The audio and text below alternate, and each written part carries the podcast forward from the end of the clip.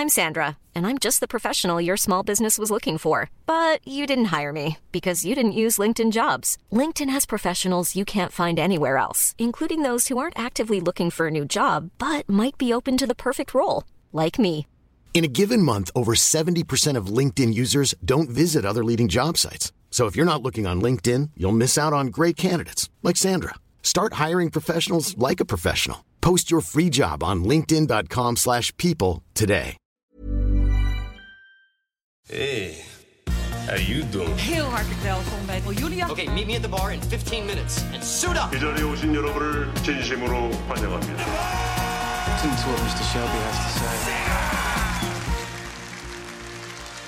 Goed dat je weer bent ingeschakeld. Een keer op de vrijdag en niet op de donderdag. En dat gaat vaker gebeuren, kan ik je verklappen. Welkom bij Content Wars. We vertellen je alles over de wereld achter de content. Mijn naam is Jelle Maasbach. En gelukkig bij mij zonnestraal in deze regenachtige tijden. Formatontwikkelaar Kirsten-Jan van Nieuwenhuizen. Jij stond hier heel lang buiten in de stromende regen met je share nou. Die wilde niet Jongen, sluiten. Ja, wat een mo- morgen alweer vanochtend, Ja. eh, Jelle. Ik had alles zat tegen.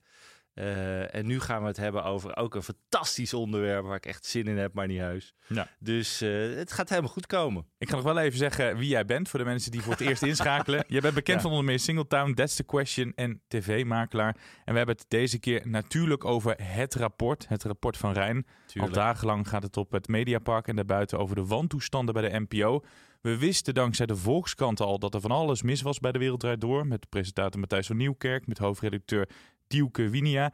En dat werd weggekeken door leidinggevende. Maar toch zat er een pijnlijke verrassing in het onderzoek.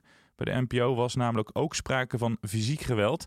En directeur Susanne Kunstler van BNN-Vara bevestigt dat het om Matthijs gaat. Als de commissie het heeft over fysieke intimidatie, dan noemen ze voorbeelden als bij de keel grijpen, over de tafel trekken en tegen de grond duwen. Wordt dat erbij? Dat zijn voorbeelden die ik gehoord heb. Ja, bij de wereld draait door. Ehm, en dan gaat het over het gedrag van de presentator ten opzichte van mensen die daar werken. Ik heb eh, zaken als eh, fysiek grensoverschrijdend eh, gedrag...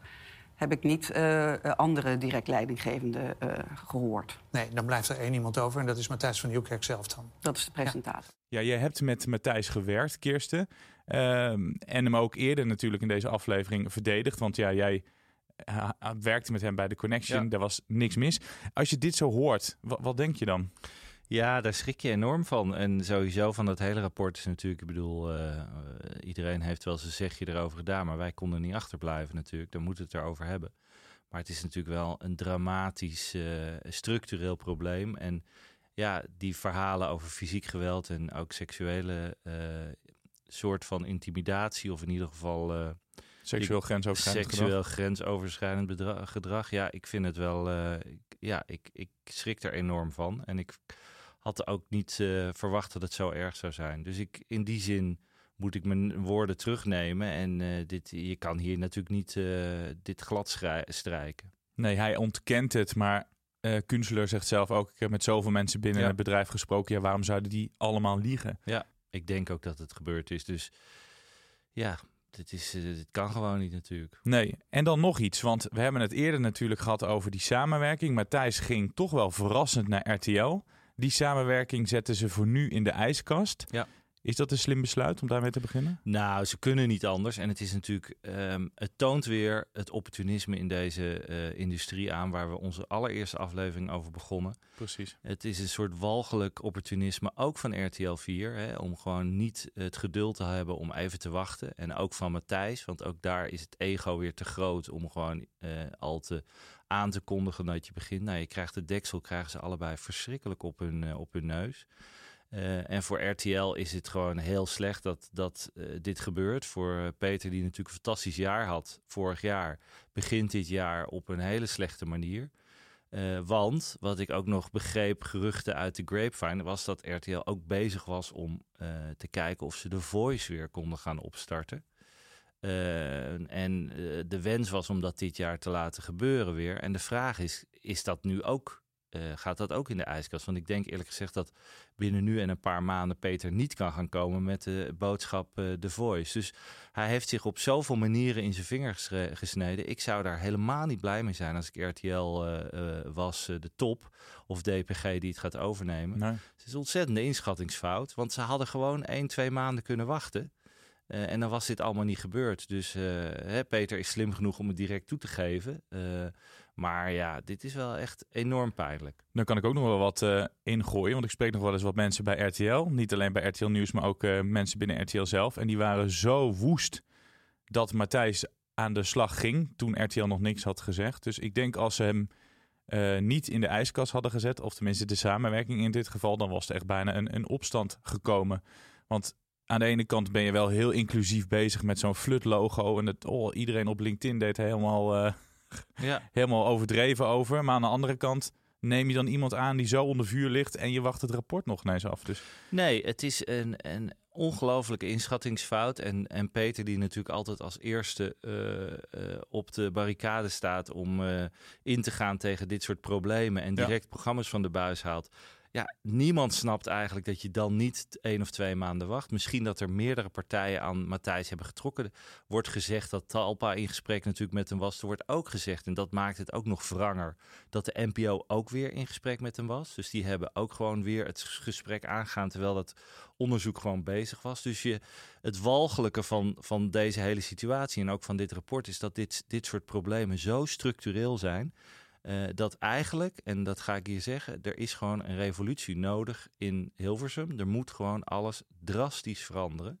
Echt heel erg veranderen. Uh, en uh, hebben al een beetje gezinspeeld erop in eerdere afleveringen. Mm -hmm. er moet gewoon, de hele schop moet in de NPO. Er moet gewoon volledig een nieuw systeem opgebouwd worden. want vanuit een zelfreinigend initiatief komt er niet vanuit die top. Er zitten daar, iedereen zit daar nog steeds die mee heeft gewerkt aan, aan al deze uh, wantoestanden. En iedereen zit daar mooi te doen uh, bij uh, talkshows van het is verschrikkelijk, bla bla bla. Maar ondertussen zit iedereen op zijn. En niemand neemt werkelijk de verantwoordelijkheid. Het, de structuur in Hilversum is zo dat ze allemaal het afschuiven op uh, iemand anders. Hè. De NPO schuift het af op de omroepen. De omroepen schuiven het af op de producenten. En de producenten die zeggen wij kunnen ja allemaal korte contracten, bla bla bla. Uh, dus die structuur klopt gewoon niet meer. Uh, die omroepen kloppen niet meer, want die verzuiling is er niet meer. Dus het moet gewoon veranderen. Volledig. En ja, ik bedoel, het zal niet op korte termijn gebeuren. Maar misschien dat nu de tijd rijp is en het, het ijzer gesmeed moet worden. Dat ze vanuit de overheid moeten gaan zeggen de hele boel gaat op, uh, op de schop. Uh, ik zeg niet dat de NPO moet verdwijnen, helemaal niet. Er moet een NPO blijven. Maar ik denk dat de omroepen gewoon weg moeten. Uh, uiteindelijk. Al die baasjes moeten weg, want het zorgen ook allemaal voor dit soort machtsstructuren. en er moet gewoon uiteindelijk een publieke omroep komen die programma's gaat programmeren. Die gewoon alle mensen voeden en die pluriformiteit aanhouden die we nu hebben. Maar die omroepen hoeven er helemaal niet meer te zijn. Nou, ik heb het even gezegd. Ja, ik wilde eigenlijk nog zeggen, zometeen meer over die grote schoonmaken, maar het meeste is verteld. Nee, we, we, hebben er nog veel over te vertellen, als flauw dat ik dit zeg. Um, maar ik wil nog wel vragen, nog heel even over uh, Matthijs. Ja. Denk jij dat hij ooit nog terugkomt op de buis? Uh, want er wordt nu over getwijfeld en, en ik snap dat, want ja. van, van ik twijfel daar ook over. Ik twijfel daar ook over. Kijk, een, een, paar maanden geleden had ik een hele andere mening, maar ik moet ook gewoon mijn mening kunnen bijzetten. Uh, mm -hmm. uh, kijk, de kans is natuurlijk altijd als dit weer een beetje luwt en over een jaar. Kijk, dit jaar denk ik sowieso niet meer. Dus dat is al heel pijnlijk, ook voor RTL en natuurlijk ook uh, voor, voor Matthijs. Maar dat is wat het is. Um, je have, have to pay the price natuurlijk op een gegeven moment. En dat geldt voor meerdere mensen in Hilversum. Uiteindelijk moet je gewoon, uh, what comes around goes around. Um, maar de vraag is inderdaad, ja, hoe lang blijft dit dooretteren? En misschien moeten ze gewoon een voorbeeld stellen door hem niet meer terug te laten keren op de buis. Hij heeft mooie programma's gemaakt, oké, maar hij heeft wangedrag vertoond. En als je dit soort mensen elke keer laat terugkomen, hetzelfde als met die omroepbaasjes, dan hou je het probleem in stand. Ja. Misschien moet je gewoon zeggen, hij komt gewoon nooit meer terug. Ja. Blijf maar lekker op je boerderij. Ja, nou ja, dat, dat zou heel goed kunnen. Ja, ik zou het op een bepaalde manier voor de, voor de kijker jammer vinden, maar ik snap jouw punt even volledig. Ja, we gaan het zo meteen hebben over die revolutie die jij wil starten. Wil jij hem leiden ook of niet? Eh, nee, ik ga heel, heel, heel laf ga ik op een achterbank eh, ga ik mee. eh. nee, ja, goed. Ach, ik weet het niet. Nee, ik, ik wil hem zeker niet leiden. Nee. Ik kan hem helemaal niet leiden. joh. Hou op. Dat zo meteen. Maar eerst, De medianieuwtjes van de week. ja, de andere nieuwtjes. Zullen we even wat leuke dingen doen? Heb jij Ja, leuke dingen ik gezien? heb leuke Ik heb wel wat leuks. Ik ben Ik benieuwd heb- wat jij hebt. Ik heb leuk, want ik ging net al helemaal in een tirade. Had je het door? Ja. Ehm, nou, ik heb een leuk nieuwtje over onze grote vrienden bij SBS. Oh. Nou, dat is toch wat. Eh, want de lachende derde van dit volledige échec debakel zijn natuurlijk SBS. Ja, zeker. die zitten, houden zich heel stil. er komt zeker geen onderzoek bij de SBS. eh, vergeet het maar, dat gaan ze echt niet doen. Ehm, eh, maar SBS gaat heel erg goed. En vorig jaar is SBS de zender geweest die het meest gestegen is van alle zenders. Meer dan een procentpunt. En dat levert echt miljoenen op. Eh, en eh, de ene na de andere kijkcijfersucces. Ik bedoel, ik las dat eh, Rijdende Rechter in één keer anderhalf Ja. miljoen kijkers had. Geloof ik voor het eerst als eerste in de eh, kijkcijfertop eh 10. Ja, Ehm, 1,6 miljoen zelfs. Ja, hè? ongelooflijk. Ehm, en John Net weer een format verkocht in Amerika. Quiz met ballen is verkocht aan Fox, even uit mijn hoofd. Zo. Dus gaat heel goed met de floor, meen ik al tien landen. Eh, dus SBS is enorm in een winning mood. Wat mooi. Er is daar bijna elke dag taart, hoor ik eh, van mijn spionnen in SBS, want die heb ik daar gewoon. Ehm, nee, dus ja, nou, ik kan niet anders zeggen dat SBS, eh, zolang je gewoon heel stilletjes je, je dingen blijft doen, niet te veel gezeik daar, dan zie je dat je uiteindelijk de wind meer in je rug krijgt. En dat is het geval op dit moment bij SBS. Ja, en ik wil nog iets aan je voorleggen, want een klassieker, een programma uit mijn jeugd, uit de jaren 90, komt weer terug. Ook dat nog. Ja, ja, Wat vind je daarvan? Dat ja, dat vind ik hartstikke leuk. Eh, het is natuurlijk ook weer in de hele trend van eh, eh, nostalgie-tv. Hè. We zien voortdurend de programma's terugkomen. Er komt ook een nieuwe Soundmix Show. Hè. We Ja. dacht misschien dat je daar nog over wilde Ja, daar beginnen. wilde ik hierna inderdaad Ja. over. Maar de, de, de oudjes komen weer terug. De oudjes komen terug. De vraag is bij die Soundmix Show, gaat Henny Huisman daar nog rechten voor die, krijgen? die, oh, ik dacht die staat al aan de poort te rammelen om het weer te presenteren. Maar dat Die- gaat niet meer Nee, gebeuren. dat gaat zeker niet gebeuren. En de vraag is ook, hij wordt heel hard, roept hij natuurlijk dat hij het bedacht heeft. Is ook zo. Eh, althans, de Soundmix Show. Maar dit is duidelijk een andere versie. Dus ik, ik, ik weet bijna zeker dat hij... eh, Dat hij geen recht Nee, krijgt? nee, nee. nee. Die, gaat, die kan Henny helaas. Als Henny luistert, volgens mij heeft hij een paar keer geluisterd. Toen heeft hij jou weer ontvolgd. Omdat jij weer de hele nare dingen over zei. Terwijl ik altijd heel aardig ben over Henny Huisman. Ehm, eh, dus nee, het format is echt wel wezenlijk wat anders dan de Soundmix Show. Het enige overeenkomst is dat het mensen zijn die sterren nadoen. Maar dat is bij de tribute ook. En Ja. John betaalt geen cent aan Henny. Eh, dus ik ben bang dat Henny eh, geen geld gaat krijgen. Maar nee, Nostalgie TV, ook dat nog. Ja, hartstikke leuk. Ik denk dat als ze daar de leuke, de, de juiste comedians voor hebben, dat het helemaal leuk wordt. We gaan weer terug naar de NPO. Daar is van alles misgegaan. Intimidatie, geweld, seksuele misstanden. Uit het rapport van Van Rijn kwam niet echt een lekker beeld naar voren. Ook niet trouwens uit de documentaire Buiten Beeld, gemaakt door Koen Verbraak. Heb jij die gezien? Ik heb daar eh, zeker eh, stukken van gezien met onze grote vriend Smeets natuurlijk. Ja, ja daar kom ik eh, zo op. Ja, het was een gesprek met mensen voor en achter de schermen. Inderdaad, Mart Smeets. Ja, als je naar hem kijkt... Eerst weet hij al niet wat grensoverschrijdend gedrag is. En dan reageert hij op het interview dat Aisha Magadi eerder gaf. Hij had haar, zei ze, heel raar behandeld tegenover de hele redactie.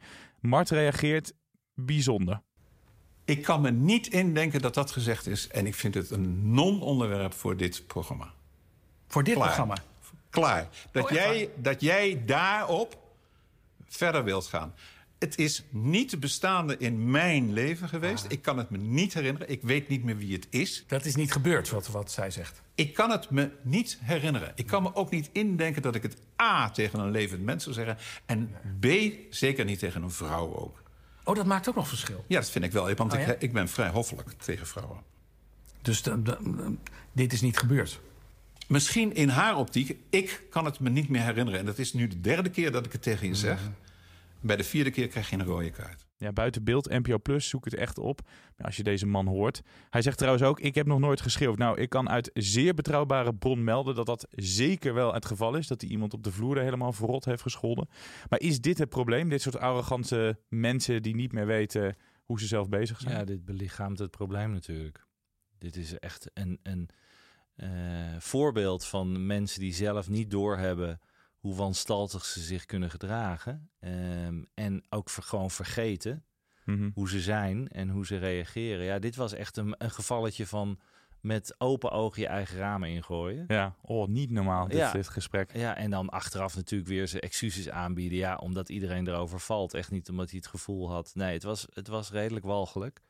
Ehm, en ik denk dat er bij heel veel van deze mannen het probleem zit dat zij werkelijk zelf geloven dat het allemaal wel meevalt. Ja. En daar zit natuurlijk het volledige probleem. Dat zij eh, opgegroeid zijn en gewerkt hebben in een tijd waarbij schreeuwen en eh, nou ja, zelfs dus fysiek worden eh, als op een of andere manier misschien normaal werd Ja. beschouwd. Ik, ik snap het niet, maar mensen lieten dat zich overkomen omdat ze gewoon volledig geïntimideerd waren. Mhm. En dat werd gewoon, ja, iedereen die, die al- als je een ster bent, kwam je ermee weg. Hoe is dit eh, allemaal ontstaan? Heeft dat echt met die structuur te maken? Dat hele warrige met allerlei lagen en verschillende omroepen. En dat iedereen dus elke keer naar elkaar wijst en daardoor ook geen verantwoording eh, pakt? Nou ja, er zijn natuurlijk heel veel elementen die dat maken. De, druk, eh, dagelijkse druk, de druk van het budget wat steeds lager moet. Mensen geen vast contract geven, waardoor niemand durft op te staan. En denkt van, ja, als ik iets zeg, dan wordt mijn contract niet verlengd. Eh, sterren die de hemel in geprezen worden, eh, waar eh, mensen met kopjes koffie bij de lift staan als ze binnenkomen, dat soort verhalen. Die verafgoot worden en op een gegeven moment denken: ik ben ook best wel briljant. Het, het lastige is natuurlijk, als je hele goede presentatoren hebt, moet je ze ook koesteren. Dus er is er een soort van: hoe moet je daar nou mee omgaan? Hè? Weet je wel, als, je, als, als ze een beetje sterallures hebben. Eh, maar ja, het is eh, wat iedereen ook zegt. Het gaat natuurlijk om leiding geven. Dat je op een gegeven moment tegen iemand kan zeggen: doe eens normaal. Joh. Precies, want we hebben het heel erg over de presentatoren. Maar het gaat natuurlijk ook om de mensen achter de schermen Volledig. met macht. Ja, en Die daar, ja. Die kijken ook eh, weg. Nou ja, dat, daar, ik denk dat daar het grootste probleem. Dat zegt ook iedereen natuurlijk. Ja. Niemand heeft durven zeggen van iemand apart durven nemen van wat, wat je nu doet gaat echt te ver. Je had het net over Talpa, die ontspringt de dans. Maar er zit daar wel iemand, Frans Klein, die eerder bij de NPO eh, heeft huis ja. Ja, er, zit daar natuurlijk, er zitten daar meer mensen die natuurlijk een reputatie hebben. John heeft natuurlijk ook een reputatie. Ik weet uit betrouwbare bron dat daar ook gewoon geprobeerd is om daar artikelen over te maken. En dat eigenlijk niemand daar iets over durft te zeggen. Maar daar is gebeuren natuurlijk ook, zijn ook heftige dingen. Ik ga niet zeggen daar dat dat fysiek of wat dan ook. Maar ja, eh, er zijn heel veel mensen in de tv-wereld en ook in andere industrieën die natuurlijk heel erg eh, heftig leiding geven. Ja. Eh, en daar volledig over grenzen gaan heel vaak. En afhankelijkheid, dat is zo erg. Dus je bent echt afhankelijk. Ja. Dus stel dat ik echt een tiran als baas zou hebben bij een, een BNR of hier. Ja, ik moet toch ook mijn freelance klussen doen. Dus dan durf ik er ook niet echt over uit de school te klappen. Want ik ken ook heel veel van dat soort verhalen helaas. Eh, bij andere bedrijven waar ik niet heb gewerkt. Maar die mensen zeggen, ja, ik kan nu wel hier de vuile was buiten hangen. Maar dan ben ik weer mijn klus kwijt. Dat is natuurlijk het erge van alles. Ja, en kijk, de, de, de media-industrie is natuurlijk een industrie die van, van buitenaf altijd een beetje eh, eh, heel- toch heel veel interesse opwekt Ja. bij mensen. En ik weet nog wel, als er sollicitaties waren, dan stonden er honderden hele, vaak hele knappe dames buiten om allemaal in de media te komen werken. En die attitude was er ook voor jou tien anderen. Hè, als jij moeilijk doet, hebben we zo iemand anders. Inmiddels is dat wel een beetje veranderd, zeker met redacteuren en dergelijke. Die zijn eh, een stuk lastiger te krijgen. Maar er is nog steeds een enorme aantrekkingskracht om daar te werken. En dat wordt gewoon tegen je gebruikt natuurlijk als, eh, als medewerker. Dat je, je moet gewoon tot laat, je moet niet zeiken. Je moet gewoon dingen doen. En eh, zo word je, zeker in het verleden werden mensen heel vaak zo behandeld. Er was een hoop seksisme, er liepen heel veel mooie mensen rond. daar werd eh, misbruik van gemaakt enzovoort. Maar dat is natuurlijk binnen de advocatuur denk ik ook. En binnen de gezondheidszorg, in ziekenhuizen gebeurt dat ook. In industrieën waar een, een, een, een, soort aura leeft van... oh, dit is helemaal te gek, hier wil ik graag werken. Ik heb ook wel gehoord in de luchtvaart met piloten en stewardessen. Het schijnt, eh, eh, als ze daar onderzoeken gaan doen, eh, dan ga Ja. je ook schrikken. Nou, per sector zou je eigenlijk een Ja. revolutie eh, Ja. nodig hebben. En ja, de nieuwe generatie eh, die er aankomt, zeggen ze elke keer, die is goed bezig. En ik wil niet zeggen dat jij stokoud bent, maar jij bent voor jouw generatie ben je ook wel heel erg eh, uh, ruimdenkender en, en, en veel beter dan, dan die andere mannen van jouw ja, leeftijd, zou ik, ik, ik, heb nooit een hele erge machtspositie gehad. En ik denk in mijn karakter dat ik die ook niet zal misbruiken. Ja, dat is makkelijk om te zeggen natuurlijk. Maar mensen die met mij gewerkt hebben, denk ik, die zullen dat wel beamen. Uh, ik heb ook nooit heel veel last ervan gehad, omdat ik nooit in een hele onderdanige situatie ben geweest. Hooguit misschien toen ik voor John de Mol werkte. En toen viel het ook wel mee. Toen heb ik wel uh, boze tirades meegemaakt van hem. Maar op zich, omdat om, een leidinggevende boos wordt, vind ik niet raar. Uh, zolang het maar binnen de grenzen blijft. maar ja, het, het, het, het, lastige is gewoon dat deze wereld gewoon een wereld is van heel veel glamour. Uh, uh, en daar gaat op een of andere manier ook heel veel narigheid achter schuil. Uh, en daar moet iets gebeuren. En ik denk dat, um, dat dat alleen maar kan door inderdaad de jongere generatie de kans te geven. En eigenlijk alle, alles wat onder de, boven de 50 is, moet er wat mij betreft gewoon lekker uit. Dat zeg ik gewoon hier. Ja. Ja, over 50 is gesproken. Die opvolger van Frans Klein, die ligt nu ook onder vuur. Verwacht jij dat meer mensen moeten gaan opstappen de komende tijd? Ja, de, de, ik denk dat de beerput staat open. Er komt van alles uit. Uh, en ik denk dat die voorlopig nog niet dicht is. Kijk, de vraag is hoe gaat het verder aflopen met de aantijgingen tegen Matthijs? Gaat daar nog wat? De kans is best groot dat iemand daar op een gegeven moment echt uh, interviews over gaat geven. Tot nu toe was het redelijk anoniem. Maar ja, nu lijkt toch wel dat veel mensen dat, uh, dat, dat durven te gaan roepen. Ja. En je hebt best kans dat heel veel journalisten op zoek zijn naar de specifieke verhalen. Uh, van fysieke mishandelingen en dergelijke. En, en seksuele grensoverschrijdend gedrag. Um, uh, dus ik vermoed dat er echt wel. Uh, en er lopen natuurlijk een, een hoop meer baasjes rond in Hilversum. En ook in andere mediabedrijven. Want het is niet alleen tv. Het is natuurlijk ook. er zijn ook wel in de, in de bladen en in de muziek. Wat dacht je daarvan? Wat daar ja. allemaal gebeurt. ja. ja. Je hebt het dus uh, gehad over die bezem die door uh, Hilversum moet. Uh, bij de NPO, die, die revolutie. De vijftigers die moeten nu vrezen voor hun baan. Ja. die, die omroepstructuur die moet eraan aangeloven. Ja. Hoe ziet het jouw droombeeld eruit? Zou je dan bijvoorbeeld ook geen omroepen en zo meer, nee. uh, meer hebben? Nee, ik denk dat... Kijk, het is heel vervelend voor iedereen die bij omroepen werkt. En omroepen maken natuurlijk hele mooie dingen. Maar het hoeft niet per se meer een omroep te zijn. Dus ik zou zeggen van desnoods zorg dat je een grote NPO hebt met een leiding die uh, niet heel erg breed is. In de zin van geen tientallen mensen in de leiding. En zet daaronder bijvoorbeeld een aantal redacties daaronder die je weer opbouwt uit goede mensen uit die omroepen. En de andere uh, delen van de omroepen die vormen productiehuizen, wat ze nu in feite ook al deels doen, want heel veel omroepen produceren zelf. Uh, zorg in ieder geval ervoor dat er veel minder uh, kasteeltjes en, en baasjes overal zitten, die allemaal hun macht proberen uit te oefenen en allemaal strijden om die, die paar slots op NPO 1, 2 en 3. Um, uh, maak het compacter, dan bespaar je al heel veel geld, want er gaat bezuinigd worden. Dit is de stok om mee te slaan hè, vanuit de overheid. Um, maar goed, wat er gaat gebeuren is dat er alleen maar bezuinigd gaat worden nu. Er gaat waarschijnlijk weinig gebeuren aan die omroepenstructuur, die volledig achterhaald is, want nobody cares welke omroep iets maakt. Ja. Uh, als, er maar, als het maar goede programma's zijn.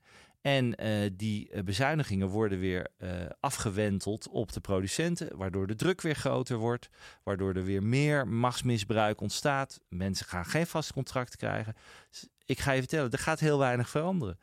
als er geen structuurverandering komt en als er niet een revolutie komt. Want ik hoorde iemand heel mooi zeggen: eerst revolutie, dan evolutie. En ik denk dat dat de enige manier is door gewoon te zeggen: hele structuur moet anders. Nieuwe, minder leidinggevende en mensen, waardoor je mensen vaste contracten kan geven. Uh, en je bent meteen van al die extra kosten op die tegen een miljard aanlopen, waarvan ik denk zo misschien wel de helft of iets, meer, iets minder dan de helft gaat naar al dit soort baasjes en al dit soort structuren. Mooie uitspraak dan om dit onderwerp mee af te sluiten. Bij de Wereld Door werd altijd gezegd, we spelen Champions League. Hè? Dat was altijd het verhaal. Ja. En daarom was het gerechtvaardigd dat je iemand over een tafel trok. Ja. Nou, Janine Abbring, de persoon die durfde op te staan tegen die verschrikkelijke hoofdredacteur van de Wereld Door, die heeft er een mooie uitspraak over. En een oud-redacteur van de Wereld Door daarna. Je kunt Champions League spelen en ja. aardig doen is toch ook weer niet... daar hoef je toch ook geen medaille voor uitgereikt te krijgen? Nou, ik heb daar, me daar een beetje aan gestoord, aan die hele Champions League uh, vocabulaire. Want ik, ik heb op mijn loonstrookje nooit de Champions League gezien. Ik, heb, ik zag daar de keukenkampioen, zeg maar. dus Ja, zet alles even in perspectief. Hè, dat ze zegt van, eh, ja, leuk dat we Champions League spelen, maar ik zag het niet eh, Nee. op Ja, mijn loonstrookje. Ja, nee, dat is, en je wordt als redacteur gewoon uitgewoond natuurlijk. Je, je maakt veel uren, je krijgt er weinig voor terug. En het was alleen van de prestige dat je daar werkte. Eh, ja, het is wrang. Zou het hier werken? Ze is hier niet, Lisette van Diepen helaas, maar gelukkig heeft ze digitale flessenpost ingezonden. Hallo heren, ik ben deze keer inderdaad niet in de studio, maar heb wel een format meegenomen voor jullie. Ik keek deze week samen met mijn dochter een voor mij onbegrijpelijke aflevering van Echte Meisjes in de Jungle, waarin de catfight tussen de dames volledig centraal stond. En ehm, het format dat ik ga bespreken deze keer lijkt er een beetje op. Zit ook een beetje in die car crash hoek. Want in Engeland is op Amazon Prime gestart deze week het format Hot Mess Summer. En daarin gaan we kijken naar een groep hotte twintigers, totale party animals, die denken dat ze meedoen aan een reality format met als titel Party Summer. En daarin zouden ze gevolgd worden tijdens hun vakantie in Griekenland en hun wilde avondjes uit. En die krijgen ze ook een wilde avond, één avond. Want de volgende ochtend, terwijl ze hun katers aan het wegwerken zijn, krijgen ze te horen van de host Rylan Clark dat de vakantie vanaf dat moment totaal over is en dat ze gelokt zijn naar het eiland om te gaan werken. En ze moeten daar de lokale bar gaan runnen. Ze blijken alle genomineerd door hun vrienden thuis, die totaal klaar zijn met het verwende klote gedrag van hun bestie. En we kijken vervolgens op de video's naar beelden met boodschappen van hun vrienden, die in alle eerlijkheid de opmerkingen maken over de narcistische en egoïstische vrienden, die gewoon terug moeten komen naar de real world en even de realiteit in terug moeten. Pijnlijk, maar mooie televisie. En om te voorkomen dat dit hele zootje direct naar huis wil rennen, is er natuurlijk een prijs te winnen. Want voor 60.000 pond wil, willen deze gasten wel blijven. Dus we gaan kijken naar Hot Mess Summer. Ik hoor het graag. Ja, Hot Mess Summer, roept u maar. Gaat Ja. het hier werken, al die mooie lijven op een eh, strand en zo? Ja, het is natuurlijk leuk dat er elke keer weer wat verzonnen wordt. En je denkt, je- als je het hoort, denk je een beetje te hangover, hè? De dag na Ja. het feest. En Ja. dan eh, komt eh, de boodschap binnen. Ik vind het een heel leuk idee, eerlijk gezegd. En ik hou altijd van dit soort... eh, hè, eh, ge- dit genre is gewoon heerlijk. Zeker als je het met Engelsen doet, want die weten als geen ander om los Als te die zo gaan. hoerig is, dan vind je het leuk natuurlijk om naar te kijken. Hè? Nou ja, goed, die Engelsen, maar die, die gaan altijd zo verschrikkelijk los. En dat Mhm. geeft natuurlijk leuke tv. Dus ja, dit is gewoon natuurlijk hele leuke, een hele leuke insteek om naar eh, gestoorde Engelsen te kijken. eh, die vervolgens hard moeten werken en waarschijnlijk te lui zijn om te poepen. dus ehm, eh, ja, ik denk dat dit gaat werken. En ik denk dat dit prima bij een videoland kan. Eh, want eh, uiteindelijk merk je dat dit genre nog steeds goed bekeken wordt. Heel door erg goed, mensen. ja. Die vinden het leuk. Jij vindt het volgens mij ook Ja, leuk, toch, ja, Jelle? Ja, ja, zeker. Ja. Hoe ordinairder, hoe beter. Hoe ordinairder, hoe beter. Dus eh, het is net je huis.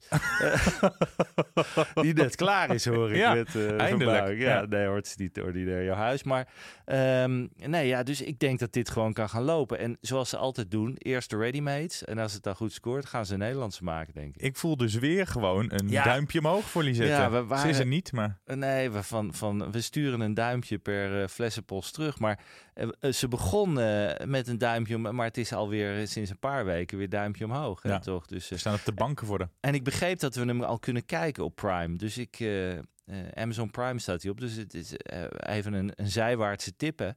Maar eh, ik ga hem toch even kijken dan of die echt zo leuk is. Kom maar gelijk door met jouw tip dan. Ja, nou, eh, mijn tip is eh, ehm, eh, grappig genoeg. ik moet even heel snel kijken of het nou ook op Prime is. Ik dacht het namelijk wel. Eh, ja, kijk, nou, we gaan Prime twee keren. Er is een, een, een werkelijk een, een zeer groot talent in Amerika. En die is vooral bekend als eh, Childish Gambino. Ik weet niet of je Ja, zeker. Ja, een, van een van de beste nummers van afgelopen jaren was Redbone, mijn favoriete nummer. Zoek hem op op eh, Spotify, Childish Gambino. En Childish Gambino is een zeer getalenteerde eh, muzikant, want hij is ook producer, hij is ook schrijver en hij is zelfs acteur, Acteur, ja. regisseur. Hij heeft voor 30 Rock heel veel grappen geschreven en van een hele leuke comedy-serie. En een van de beste series van de laatste jaren was Atlanta. en daar heeft hij ook aan geschreven. Maar Donald Glover heet hij in het echt. Ja. Eh, Donald Glover heeft een nieuwe serie. Mr. en Mrs. Smith. Juist. Die wil ik heel graag zien. Op Prime. Ja. En dat is een tip. En die is veel leuker eigenlijk nog dan de film. De film was al best heel leuk, hè? Met eh, Brad, Brad Pitt en? Angelina Jolie, Ja. daar hebben ze elkaar ontmoet, hè? Ja. Daar heeft hij Jennifer Aniston voor ingeruild. Juist, en we weten dus, allemaal eh, hoe dit is afgelopen. maar ga door, sorry. Dat was ook niet echt heel lekker. Nee, dus hier, dit gaat ook eigenlijk, het, het verhaal is volledig anders, maar het zijn twee spionnen die bij elkaar worden gezet en een, en een echtpaar moeten vormen. Eh, en Donald Glover is één van hen. Eh, en eh, het is gewoon een hele leuke serie. Heel grappig, want ik weet van tevoren nooit waarmee jij komt. Maar dit is dus de reden dat ik wel een eh, Prime-abonnement wil nemen. Ja, nou ja, Prime is, heeft echt wel best wel een hoop leuke series. Dus het is de moeite waard. En wij worden niet gesponsord door Prime, Nee. zoals we door geen enkele streamer worden gezo- Ik heb ook gesponsord. laatst een vriend van mij, die, ik was bij een vriend van me en die heeft dus een Prime-abonnement. Toen hebben we ook LOL gekeken. Vond het Ja. wel echt heel grappig. Ja, nou, Ja. ja. ik heb met mijn dochter LOL zitten kijken. Zoals ik met mijn dochter ook al die guilty pleasures bekijk. En ook Echte Meiden in de Jungle ook met z'n allen bekijken. Dus wij doen net als Lisette eh, zitten wij gewoon te kijken. En waarschijnlijk gaan wij ook samen kijken naar haar nieuwe eh, thumbs up eh, tip. Ik ben de titel even kwijt. Maar, eh, Hot Mess Summer. Hot Mess Summer, jongens, als tweede tip dan. Maar Mr. en Mrs. Smith is absoluut een tip bij Prime. Nou, mooi. Dit was Content Wars voor deze week, waarin we de bezem door de publieke omroep hebben gehaald. Nou ja, jij dan. En je gaat hem niet starten, die revolutie, maar je gaat er wel achteraan lopen. In ieder Ik heb me hopelijk een zaadje geplant voor wie hier naar luistert. eh, wie weet. En voorlopig mag ik natuurlijk nergens meer binnenkomen. Dus ik heb zowel Talpa. Oh, ik heb ook Nee, RTL nog even kapot Nee, met gemaakt. Talpa heb je niet kapot gemaakt. Talpa heb je... Talpa heb ik. Ik heb een, een hernieuwde. Dat eh, alarm eh, bij Talpa is weg. En jij kan zo meteen gewoon weer binnenlopen met alle e-cards. Ja, Kopje koffie bij de lift. RTL NPO is volledig gestaat op de zwarte, sta op de zwarte lijst, begrijp ik. Tot volgende week. Dan hebben we weer een gloednieuwe aflevering. En dan hebben we iemand aan deze tafel waar eh, alle meiden bij mij op de middelbare school altijd verliefd op waren. Oh, is dat zo? Ja. Ja. Eh, je moet me even helpen. Oh ja, ik weet het. Dat is Sascha Visser. Ja, zeker. Daar keek iedereen naar. Ja, hartstikke leuk. En eh Sascha was, is natuurlijk, was, was heel populair. Eh, is inmiddels al een tijdje van de buis af, heel- wat heel moedig is van hem. Maar is degene achter de zeer omstreden documentaire van, over Little Kleine natuurlijk, Jorik. Mhm. Is, daar is een enorme golf van nou ja, kritiek over, over die, die documentaire heen gegaan. Maar toch heel interessant om Sascha daar eens over te spreken. En sowieso over zijn werk als producent. Want hij is producent sinds, eh, sinds een paar jaar. Ja, heel leuk. En hij doet dus eigenlijk niks meer op, eh, op tv-vlak. althans voor de camera's. Dus dat is ook wel eh, moedig van hem, vind ik. Want hij was heel populair, zoals jij zegt. Nou, die gaan we volgende week eh, horen. Tot dan.